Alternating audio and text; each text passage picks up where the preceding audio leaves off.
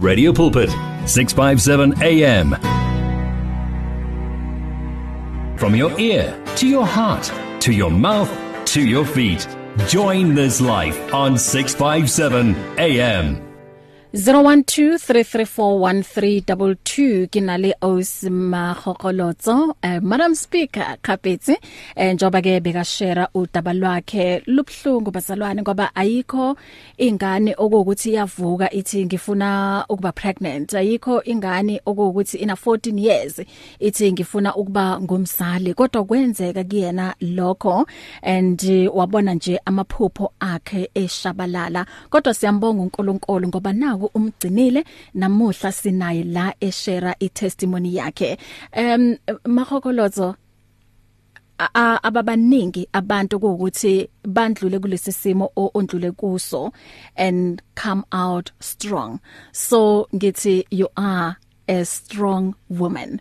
May god use you to save others from ukuthi bayenzela ama mistakes okuwukuthi uye wawenza nawe. Ke kopa hore re mamele mo eh the voice note and then sizofunda futhi nama WhatsApp messages. Hey bahle. lebitso la magokolotso ke bitso ya ka yena bua le wena mone. Ke magokolotso ebile le yena o sha Freestata nna ke magokolotso Marias ke seiso ke tswa Freestata le nna. Yo lebitso le thata utlwa. Ene le letelele ka nnete. Oh ebile mme no le bitsa monate magokholotso okay um muruti babsi shilobane uthi ngikutshele ne?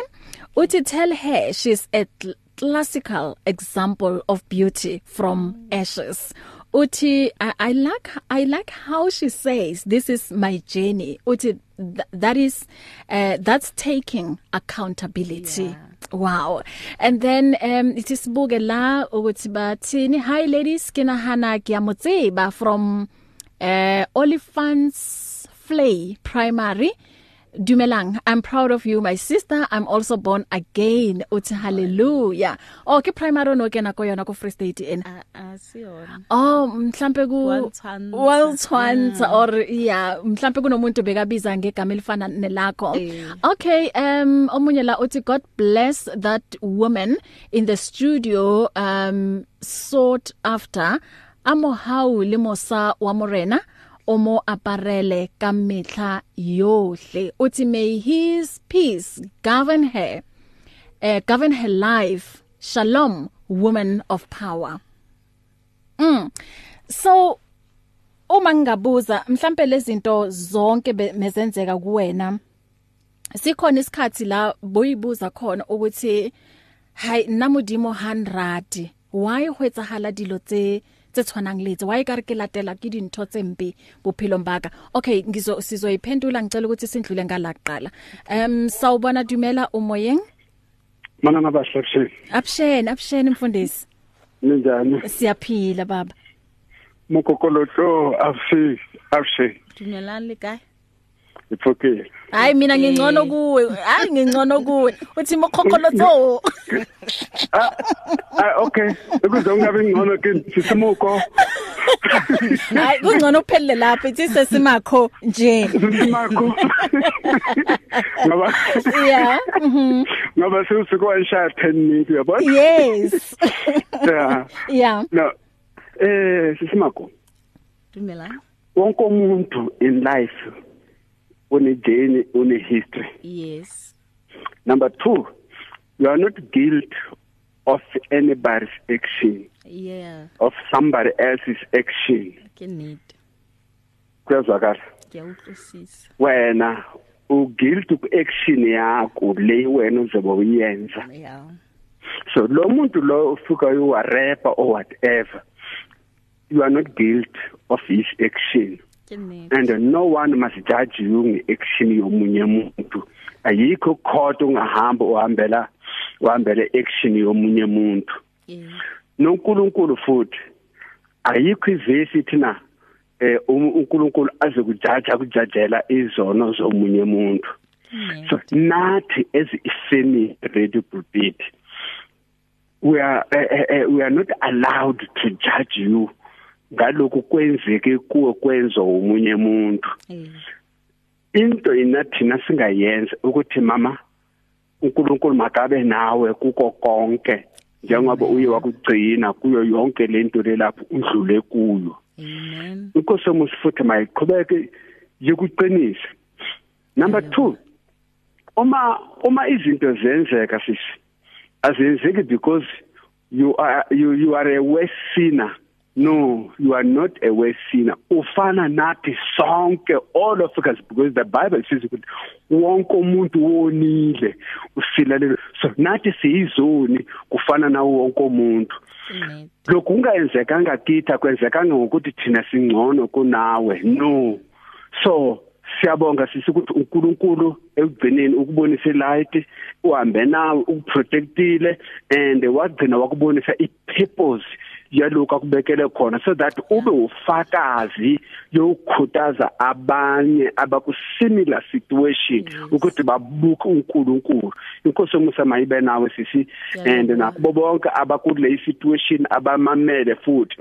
Mabangathathi ama red pen ngoba siyathanda ke lokho ukuthi siloko si but sithatha si si si si si sithatha is something eh positive undlule kuyo ukuthi na sesudlule laphana laphana lapha nami uNkulunkulu akanidlulisa kwesituation ifana nalela. Inkosi yomusa mayikubusise mana nabahle? Mana nabahle? baba? Nami ranza na? Ay nathi siyakuranza ngicela i-postal code ngicela i-postal code yasekatlehong ngithumele ah ayisho iyashota ishoda ngepostal i-code code postal code oh okay okay okay. Ngiyabonga ngiyabonga thank you thank you baba thank you. ngiqale phansi bye. Yebo Eh yeah um 0123341322 ngicela sizothatha nje u2 minutes bese ke siyayivala. Asiye la ku voice note. Nkosazana sibingelela usesi lapho unkosazana lo naye lapho ke endlule ebunzimeni obukhulu ubunzima lokho. Lento lezi ezehlela bomama abaningi bayahlela iloko impela lokho eh kuningi ke lokho kuhlala kukhona ngokuba sisana labantu laba abangakhoni ukumukela uJesu Kristu abo baba labanganamaqiniso eh manje ke siyabonga ukuthi uye wazicolela naye wacola naye. Eh kuhle kakhulu lokho lesinquma sithathile lesiyani inkosazana eh khalimambo nkosazana. Khalimambo Khalimambo Khalimambo siyabonga baba. Eh it's gcine ngenye i WhatsApp lana. Na na Jehova ah na Jehova I turn ashes into royal ah died me eh? how do you pronounce that uh, Makgolo Khots diadems. Diadems okay. We love you me. Uphuma lapha ke ku eh ku ku Alfred yeah uh, Alfred angazi Alfred P. Okay as arutlele wa bofello molaetsa mona. Hi osmagokolotso ah ke rata hore modimo ra moleboa hore a be le wena. In that situation o bileng ho yona. And the most important part o bileng ka yona ke ho forgive tsohle tseo le tseo ba o entseng tsona tse bohloko. My sister i'm so proud of you. I wish le nna nka ba le that forgiveness e kgolo hakana ho forgive batho ba nyentseng dilo tse bohloko. Mm. Eish e gauhile asofetse um ausmakho in in in in in 2 seconds ha re kwala taba e um ikuphi um ongathanda ukundlulisela kubo bonke nje abantu ukuthi mhlambe noma izimo zabo zihlukile kulezi ezakho kodwa kukhona ubuhlungu abahlanga bahlangabezana nako. Abanye nje umuntu uzwe ethi wathi bana sale kitsalwa ki ki ki more the age of 30 ki more the age of 20 hakiso hakisobelile thabo buphilo mbaka. Ungathini kuloyo muntu? Uh the first thing e tshwantseng re itsebe ke hore modimo re rata kaofela.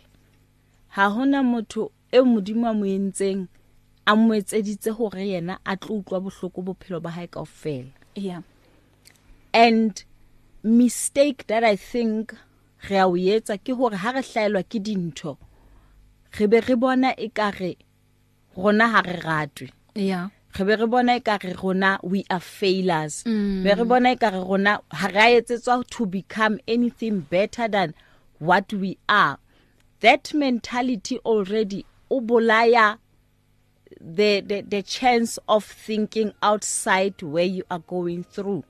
So how hlaelwa ke dintho one thing that you must ask yourself ke hore modimo o reng ka seemo sena? Yeah.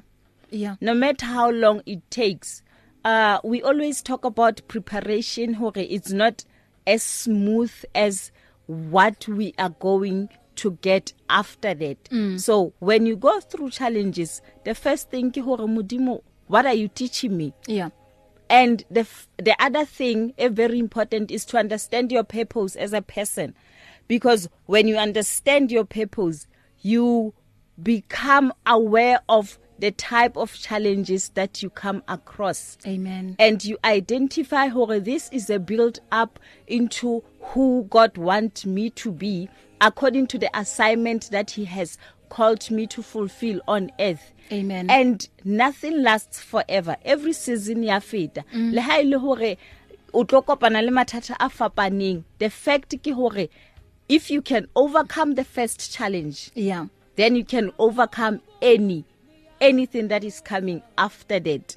So let them stay strong let them stay positive let them always remember hore modimo wa barata regardless. Amen. Ya lebo you know makhokolotso um ngi watseba ke those revival ka testimony ya how and uh, you know to to forgive such an act ngasho nje ukuthi it takes um a deep understanding of God's love. It does. Because kuningi okwenzeke kuwena and mm. you are still young. Ungakakwazi ukuthi uzimele. Mm. you know so ngithi more grace to you. Thank you. uNkulunkulu nje asigcinele wena.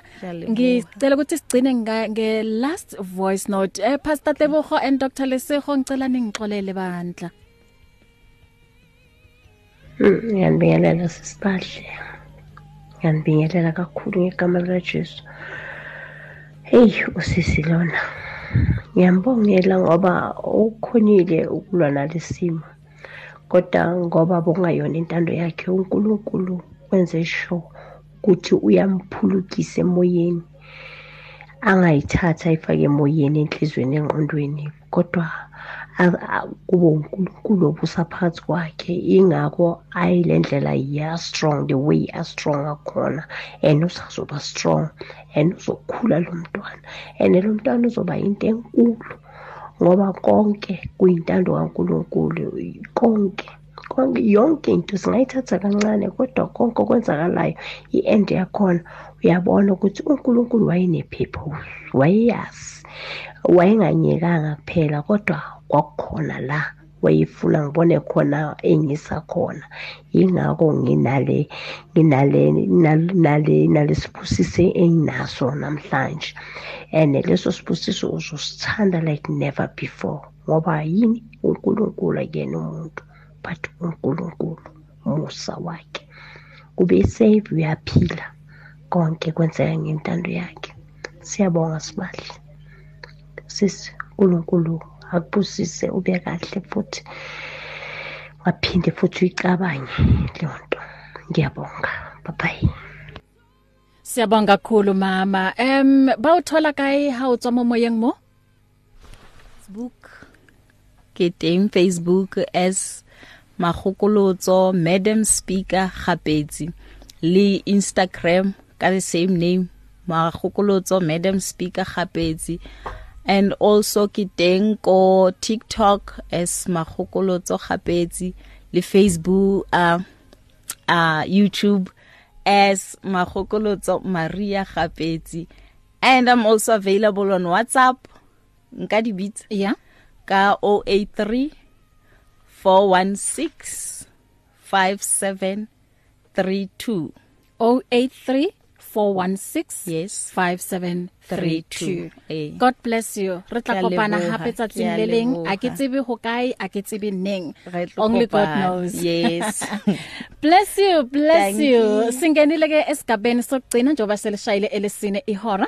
Um sizoqhubeka nge discussion yethu kanye no Dr Lesego Molobela kanye nomfundisi uTebogo Mokwena namuhla sikhuluma ngokuthi uh, what does it take to be um a vessel of honor njengomuntu wes simama sixoxeke le ndaba until 5 o'clock. Nangu Dr. Dumi uthi the great shepherd. If you need prayer please send your request to prayer at radiopulpit.co.za or WhatsApp 067 429 7564 or go to Radio Pulpit website on www.radiopulpit.co.za. It's difficult to face the overwhelming pressures of life alone. Sometimes we just need someone to talk to, someone to listen to us. And what better way to do that than through a quick and easy WhatsApp text? Whether you're having a hard time coping with school, family issues, being bullied, depression, or anxiety, speak to someone who cares today. Send a WhatsApp message to 064 530 6805 or 074 995 9085. Our I Am Youth Counseling team, Charles DeToy and Danny Vambili, are ready to connect with you today. Download our app now and listen to us wherever you go. Available in the App Store and Play Store.